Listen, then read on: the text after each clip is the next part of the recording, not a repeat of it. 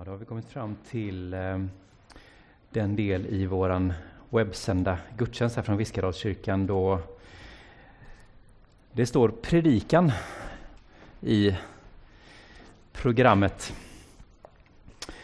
Um, och jag heter Samuel Linde som har förmånen att få tala till er som sitter eller står eller går eller vad ni nu gör där ni befinner er. Eh, jag hade från början inte tänkt att jag skulle stå här och predika idag. Inte så att jag tänkte att nej, det här känner jag inte för, jag vill göra något annat idag, utan det var helt enkelt inte inplanerat från början. Enligt våran planering så skulle jag nu sitta med lite resfeber och ge mig iväg tillsammans med större delen av eh, familjen på på eh, min sida, mina syskon och mina föräldrar med och alla ja, barn och barnbarn och så vidare. En stor, stort gäng skulle åka till Italien i eftermiddag.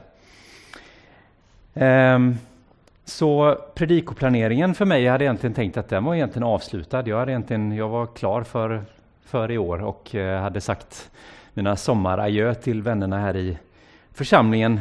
Säkerligen med under tårar och kramar och närgångna möten på olika sätt. Men eh, nu blev det inte så, utan det kom en coronakris däremellan och eh, flyg blev inställda och resor blev inställda och vi blev strandsatta här hemma. Och nu som Johan sa, det är sommar ute, det är svårt att klaga på livet som det är nu. Men det har ju blivit, det har inte blivit som vi har tänkt oss. Så nu står jag här och predikar och eh, tänker försöka göra det bästa av den här situationen som vi befinner oss i. Det är ju många med mig. Jag vill inte säga att jag, jag är den som lider mest här i världen för en inställd resas skull. Det är många med, med mig och med oss som har upplevt hur livet ställer om, hur vi blir tvungna att ändra planer och vi ställer in och arbetssituationen förändras. Hälsotillstånd förändras framför allt. Vi har säkert många nära och kära vänner och bekanta som drabbats på olika sätt. Kanske har de fått diagnostiseras med corona, kanske har de eh, vet andra som dras med långvariga infektioner med liknande symptom och så vidare. Och det är många som har det bra mycket tuffare än vad jag har det idag. Någonstans så är det ju mitt i allt det här som pågår så finns det, upplever jag att det finns en någon slags, man går och väntar, man har gått och väntat länge nu på att när är det här över? När lättar de här restriktionerna? När kommer vi börja få leva normalt igen? När blir det som vanligt? Nu kom det nya direktiv så sent som denna veckan med eh, lättade restriktioner vad gäller resor inrikes. Med den följden att stugbokningar runt om i Sverige och Gotlandsresor och allt möjligt totalhavererade under belastningen. Och det verkar som att det finns liksom en sån här, folk har gått och väntat på att få bryta lite mot den här isoleringen. Man vill komma ut, man vill se något annat, man vill göra något annat. Man längtar tillbaka till någon slags normalitet kändes som att hela landet drog en slags kollektiv suck av lättnad. Och nu hoppas man att är detta är det snöbollen som är igång nu. Nu är vi väl snart tillbaka igen. Nu lättar väl mer och mer grejer. Nu kanske de snart lättar på mötes och de här reglerna för sammankomster. Nu kanske vi snart kan få fira gudstjänst allihop igen och så går man där och hoppas på en förändrad situation. Och jag tycker kanske att man har sett tendenser till den här tristessen eller att man är trött på det. Det är folk inte riktigt lika noga när man går i affärerna längre. Det är, det är lite, man tummar lite på avstånden och det är lite det är lite jobbigt i längden. Det är lite segt och ändå har vi varit ganska förskonade här i Sverige jämfört med många andra länder med isolering och karantän och så vidare. Men jag tänkte idag prata om, jag har tre stycken frågor om ni vill hänga med lite där hemma. Tre frågor har jag. Jag har fyra bibeltexter. Sen har jag en avslutning också förhoppningsvis, där vi landar i någonting. Eller i alla fall i någon slags liten utmaning eller uppmaning på något sätt. Men för att ni ska kunna följa med lite så, så kan ni räkna, på ena handens fingrar kan ni räkna tre frågor och på den andra kan ni räkna fyra bibelord. Så när vi, har, när vi är klara med det, då vet ni att då är snart avslutningen nära. Då är vi snart tillbaka till, i, då, vi, då kan vi sluta lyssna ihärdigt.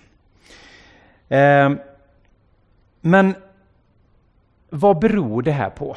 Att vi liksom, ja men den här känslan som drabbar oss när, det liksom, när de här restriktionerna lättar. Vad, är det vi, vad, är det, vad beror det här på? Ja, det finns ju någon slags längtan som jag sa efter, det, efter något normalt. Man längtar tillbaka, man väntar på att någonting ska, när ska det återgå? Just nu lever vi i undantagstillstånd, men det finns ett normaltillstånd som vi längtar efter.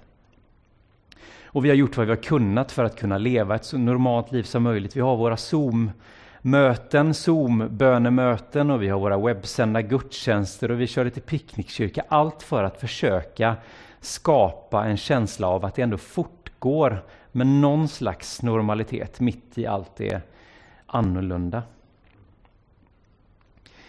Och vi är väl sådana som människor att vi tycker det är lite jobbigt när det är annorlunda. Vi kan klara oss ett litet tag. Tänk ett strömavbrott. Vi hade strömavbrott här i Veddige för ett par veckor sedan och det var i och för sig ganska sent på kvällen så för många, en del kanske redan gått och lagt sig när det hände, men, men eh, man går ju och väntar på att när kommer strömmen tillbaka? Hur länge ska det här pågå?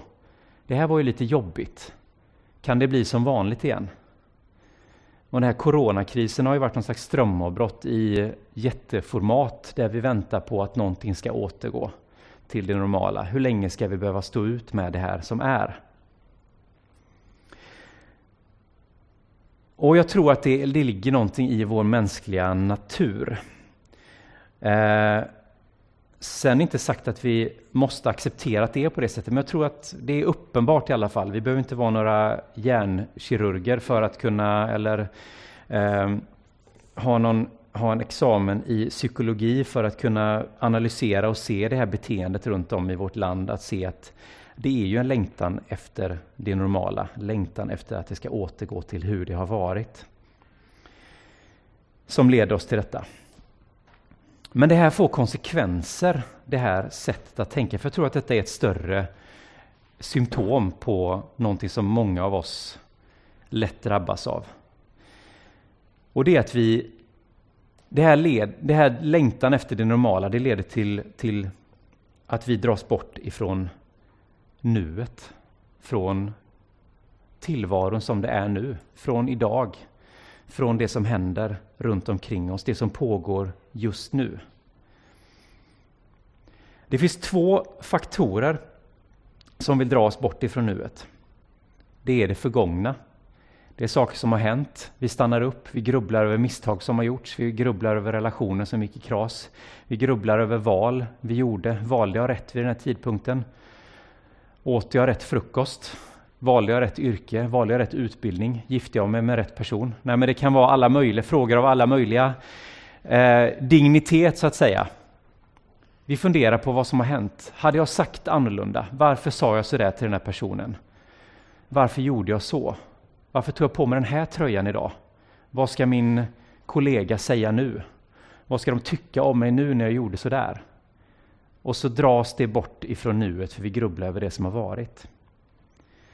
Men det finns en annan aspekt som också vill dra oss bort ifrån nuet och det är en grubblan över framtiden eller en längtan efter någonting som ska komma. När vi hamnar i det här tillståndet som vi gör nu, där vi längtar, efter, vi längtar till att någonting ska återgå till det normala, så drar det oss bort ifrån nuet. Vi väntar på att det ska bli som vanligt igen. Att allt blir normalt igen. Och missar vad just den här tiden kan betyda för oss. Vad den kan göra för oss, vad det här ögonblicket kan göra för oss. Du kanske går och väntar på någonting som ska hända. Du väntar på en befordran, du väntar på en löneökning, du väntar på att skatten ska betalas ut, som många kanske gör nu, ni som inte har bävar för kvarskatt, utan ni som kanske väntar på en liten skatteåterbäring. Man går och väntar. Ska vi få de här pengarna snart så vi kan göra det där som vi har planerat? Kanske någon som känner igen sig i detta? Eller väntar på att Ni som är lite yngre, väntar på att men, kan sommarlovet börja någon gång. Och så missar vi det som händer här och nu, runt omkring oss. Och då kan man undra, men vad är det som är så bra med nuet då? Vad har du för grund? Vad är, varför är nuet så bra? Vad ska vi tänka på det för? Då kan jag ju, jag skulle kunna argumentera på alla möjliga sätt, men jag tänker att det bästa och mest effektiva i, de här, i det här sammanhanget, det är att gå till Bibeln. Eller hur? För då behöver jag inte ens argumentera, då kan jag bara läsa till och så är det liksom, ja, då så. Säger Bibeln så, så har vi inget att invända. Visst kan vi grubbla och fundera och brottas med Bibeln också, men vi läser från eh, Matteus kapitel 6 och vers 25. Och det är Jesus som talar i sitt tal uppe på berget, bergspredikan. Han säger så här, därför säger jag er, bekymra er inte för mat och dryck att leva av eller för kläder att sätta på kroppen. inte livet mer än födan och kroppen mer än kläderna? Se på himlens fåglar, de sår inte, skördar inte och samlar inte i lador, men er himmelske fader föder dem. inte ni värda mycket mer än dem? Vem av er kan med sina bekymmer lägga en enda aln till sin livslängd? Och varför bekymrar ni er för kläder? Se på ängens liljor, hur de växer. De arbetar inte och spinner inte. Men jag säger er, inte ens Salomo i all sin prakt var klädd som en av dem. Om nu Gud ger sådana kläder åt gräset på ängen, som idag finns till och imorgon stoppas i ugnen, ska han då inte ha kläder åt er, ni trosvaga? Gör er därför inga bekymmer. Fråga inte, vad ska vi äta? Vad ska vi dricka? Vad ska vi ta på oss? Allt sådant jagar hedningarna efter, men er himmelske fader vet att ni behöver allt detta. Sök först hans rike och hans rättfärdighet, så ska ni få allt det andra också. Gör er därför inga bekymmer för morgondagen. Den får själv bära sina bekymmer. Var dag har nog av sin egen plåga. Och jag tänker om Jesus säger de här orden så är det ju ganska, det, det bär ju viss tyngd och dignitet med sig, eller hur? Och när Jesus säger att bekymra inte för morgondagen, den dagen kommer när den kommer. Den dagen, den sorgen, säger vi ibland. Men det händer när det händer. Men allt för ofta så ska vi springa före. Vi är här, men mentalt är vi någon annanstans. Och när vi är någon annanstans, då är vi inte här. Vi kan inte vara på två platser samtidigt. Utan när du är någon annanstans i dina tankar, när du är i framtiden, när du är i morgondagen, när du är i dina bekymmer, eller i dina förhoppningar, i dina drömmar, vad det än är, så är du inte här. Du är inte närvarande. Du är inte i nuet. Och då missar du det som nuet vill ge dig, det som Gud vill ge dig i nuet.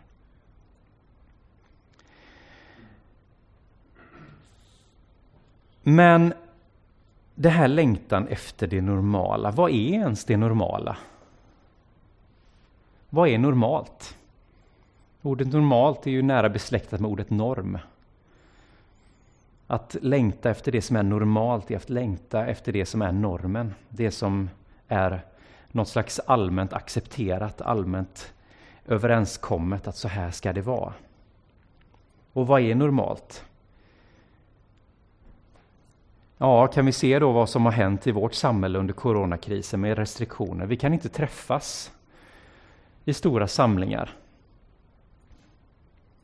Och vad gör det? Vi vet själva, vi som försöker fira gudstjänst eller vi som försöker leva som kyrka, vilka utmaningar detta har ställt. Vad är normalt egentligen? Vad är normalt gudstjänstfirande? Vad är ett normalt församlingsliv?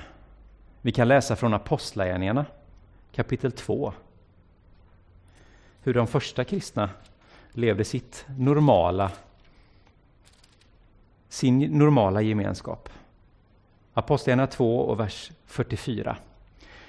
De troende fortsatte att samlas och hade allting gemensamt. De sålde allt vad de ägde och hade och delade ut åt alla efter vars och ens behov. De höll samman och möttes varje dag troget i templet och i hemmen bröt de brödet och höll måltid med varandra i jublande, uppriktig glädje. Jag hittar ju minst tre stycken brott mot coronarekommendationer i den här texten. De fortsatte att samlas. Ja, det är ju precis det vi inte ska göra, eller hur? De hade allting gemensamt. Ja, men jag hoppas de spritar händerna och att de har två meters avstånd mellan varandra hela tiden. De delade ut åt alla, men jag hoppas att de hade plasthandskar och att det var en person som skötte utdelningen så inte de höll på att ta i grejerna hela tiden allihop. De höll samman och möttes varje dag troget i templet. Ja, ja, det var nog mer än 50 personer som fick plats där skulle jag tro. I hemmen bröt de brödet och höll måltid med varandra. Var det en person som bröt brödet och delade ut till de andra, hade den personen plasthandskar eller höll de verkligen på och skickade maten runt omkring? Det verkar inte jättesmart i de här tiderna, eller hur? Men vad gör vi? Det här verkar ju vara normalt församlingsliv. Och nu kan man ju säga, eh, där har du lagt ribban ändå ganska högt. Jag menar det här med att sälja allt man äger och ha allt gemensamt. Vem av oss har gjort det? Är det det normala vi längtar tillbaka till eller vilket är det normala vi längtar till? För många av oss, av oss är ju det normala, men det normala är att jag kan komma hit på söndagen och sitta här och ta emot nattvarden. Att sitta här och sjunga med i sångerna istället för att sitta hemma. Det är det normala, men är det verkligen normalt? Coronakrisen har ställt frågor till oss som jag inte är säker på att vi vill besvara egentligen, för att det är ganska jobbigt att besvara dem, för att det utmanar det normala. Det utmanar. Vad är normen? Vad är det vi längtar tillbaka till så ihärdigt? Vad är det i det här hetsen efter att boka stugor och Gotlandsresor? Vad är det i vår natur? Vad är det i vår, i vår längtan som uppdagas i det beteendet? Vad är det vi vill bort ifrån? Vad är det i nuet som vi vill bort ifrån som gör att vi kastar oss över internetbokningar för att få komma någon annanstans? För att få lite miljöombyte? Vad är det i nuet som är jobbigt? Vad är det i mötet med mig själv i tristessen? Vad är det i mötet med mina nära och kära som skaver? Det finns en massa frågor som ställs här och jag ska bara ha tre frågor idag så jag kommer inte ställa alla de här frågorna utan de får du ställa till dig själv. Men vad är det som gör att vi beter oss på detta sättet? Ta med den funderingen. Fundera över det. Och är det här normala verkligen någonting som vi vill tillbaka till i alla avseenden? Finns det någonting i den här krisen, i den här tiden, som vi har lärt oss som kanske är värt att hålla fast vid? Vi som församling, vi som försöker organisera och arrangera och genomföra gudstjänst på olika sätt. Vi har lärt oss en massa ny teknisk know-how som är jättebra och vi kan ha användning för framöver. Fantastiskt bra och mycket som vi kan bevara. Men också mycket frågor vad händer när vi blir så beroende av en liten handfull grupp människor som, som ansvarar för att allting ska fungera? Hur ser det så kallade allmänna prästadömet ut i sådana här tider? När alla har någonting att bidra med. Det finns en massa frågor och som sagt, jag lämnar de frågorna så får du ta med dig dem själv i din egna, dina egna funderingar, dina egna reflektioner. Och gör gärna det. Jaga inte vidare, vänta inte in picknickkyrkan nästa söndag, utan stanna upp i nuet och tänk över de här sakerna nu. Och min tredje fråga, den rör vad som händer när vi bryter mot det normala. Vad är det som händer när normer bryts? Vad är det som händer när vi går mot strömmen, frivilligt eller ofrivilligt?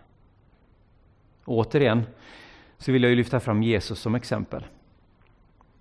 Varför blir Jesus korsfäst? Visst är det för att han bryter mot det normala. Han bryter mot ordningarna. Han bryter mot maktstrukturer, hierarkier. Han går emot, han bryter mot samhällskonventioner, han bryter mot klasser. Han går till de människor som man inte ska beblanda sig med. Han säger ord som man inte får säga. Hela Jesu liv är en studie i att bryta normer, i att gå emot det normala. Men för att kunna bryta mot det normala så kräver det en ärlighet. Det kräver att vi ställer de här frågorna med öppenhet och med ärlighet. Alldeles för ofta så vill vi ha det ganska städat. Vi vill, ganska ha, vi vill ha det ganska ordnat. Vi vill inte ställa obekväma frågor. Vi vill inte att det skaver för mycket. Jag ska läsa några verser från Apostlagärningarna som kan kännas lite sådär, vad har detta med det här att göra? Men jag hoppas att det ska kasta lite ljus över vad jag, hur jag resonerar. Jag ska läsa från Apostlagärningarna kapitel 16, vers 25 och 26. Vid midnatt höll Paulus och Silas bön och sjöng lovsånger till Gud och de andra fångarna hörde på. Plötsligt kom ett kraftigt jordskalv så att fängelset skakades i sina grundvalar. I detsamma sprang alla dörrar upp och bojorna föll av dem alla. Här kastas vi in mitt i en situation där Paulus och Silas har kastats i fängelse. Och mitt i natten så sitter de och sjunger sånger. De sjunger lovsånger. Och det här är kända versar, många känner igen sammanhanget och känner igen också vad som händer. Bojorna faller av, fångvaktaren kommer in och blir alldeles till sig av, av liksom förtvivlan för att ja, vad, gör, vad, han, vad gör han om fångarna flyr liksom? Så han är på väg att ta livet av sig och Paulus och Silas hindrar honom och han kommer till tro och blir döpt och så vidare. och så vidare. Men jag skulle vilja stanna upp vid ett litet, ett litet ord här. Det står att de sjöng lovsånger till Gud. Nu tänker vi när de sjunger lovsånger, vad sjöng de för sånger? Det måste ju varit någon, några i alla fall från det senaste pingstalbumet, tänker jag. Eller vad var det för dängor de satt och sjöng? De kan inte ha sjungit liksom... Det måste ju varit de nyaste i alla fall, eller hur? Men antagligen satt de och sjöng sånger som de kunde från Saltaren. Som man gjorde på den här tiden. Man sjöng de här hundraåriga gamla, eller hundra, hundratals år gamla sångerna. Tehillim heter saltaren på hebreiska. Lovsånger. Men vad är lovsångerna egentligen? Om man tittar på de här 150 kapitlen i saltaren så är ungefär hälften av dem brukar man kategorisera som klagosalmer. Det är alltså sånger som uttrycker klagan eller begäran till Gud om en förändrad situation. Och jag tänker så här, om du hade suttit i fängelse så är ju frågan, vad är det för sånger du sjunger då? Mycket troligt är det kanske, vi kan ta ett exempel, psalm 6. Kanske var det den de sjöng? Vi kan ta vers 2 direkt där. Herre, tukta mig inte i din vrede, straffa mig inte i din harm. Förbarma dig, Herre, jag är kraftlös. Bota mig, Herre, min kropp tvinar bort och min själ är fylld av skräck. O Herre, hur länge?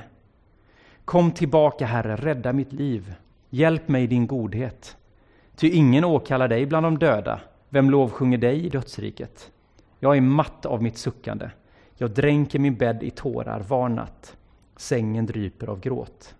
Mina ögon är skumma av sorg. Mina fiender har fått dem att åldras. Gå bort från mig, ogärningsmän. Herren har hört min gråt. Herren har hört min åkallan. Herren har tagit emot min bön. Mina fiender ska slås med skam och skräck. Ja, tvärt ta till flykten med skam.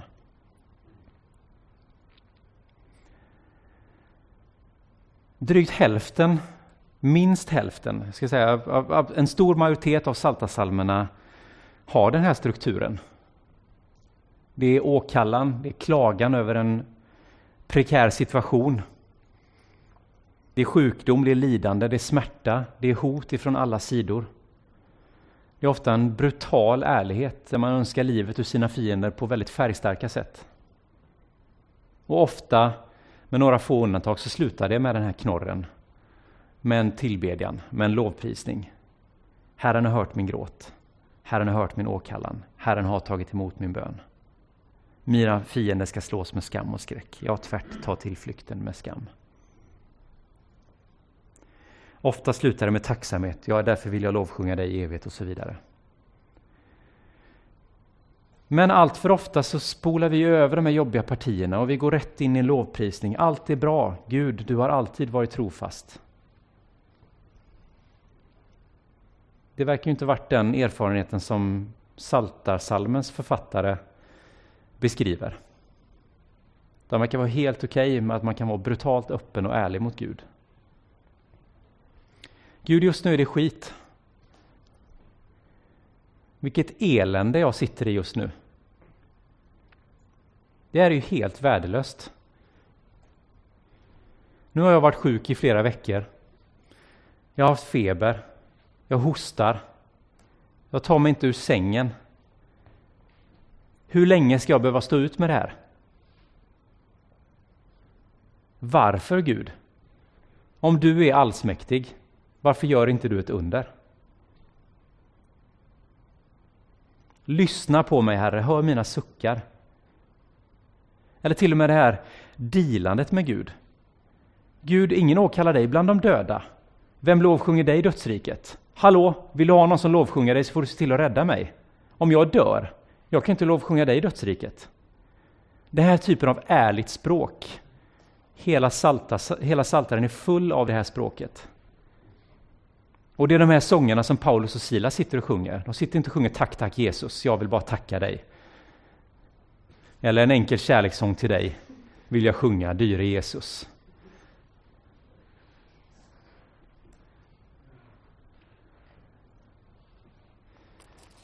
Det var inte den typen av mjuka, fina, gosiga kärlekssånger till Jesus. Jesus kom och krama mig. Här är lite kallt. Utan det var klagosalmer. Riktiga klagosalmer. Som man får uttrycka. Det är okej okay i coronatider att ifrågasätta Gud. Det är helt okej. Okay. Och även om inte det är jobbigt för dig själv så kan att uttrycka de här salmerna, att uttrycka sig i de här, de här saltasalmerna med de här orden, kan hjälpa dig att bättre förstå en annan människas tillvaro. Du kanske inte drabbas av corona, du tycker det är hur gött som helst. Du skulle kunna hänga, vara med dina vänner och bekanta och familj när som och det påverkas inte och vi är inte sjuka. Vi kan leva normalt. Men för alla de som inte kan det så har saltasalmerna ord för att du ska fatta och känna empati och medlidande med dem.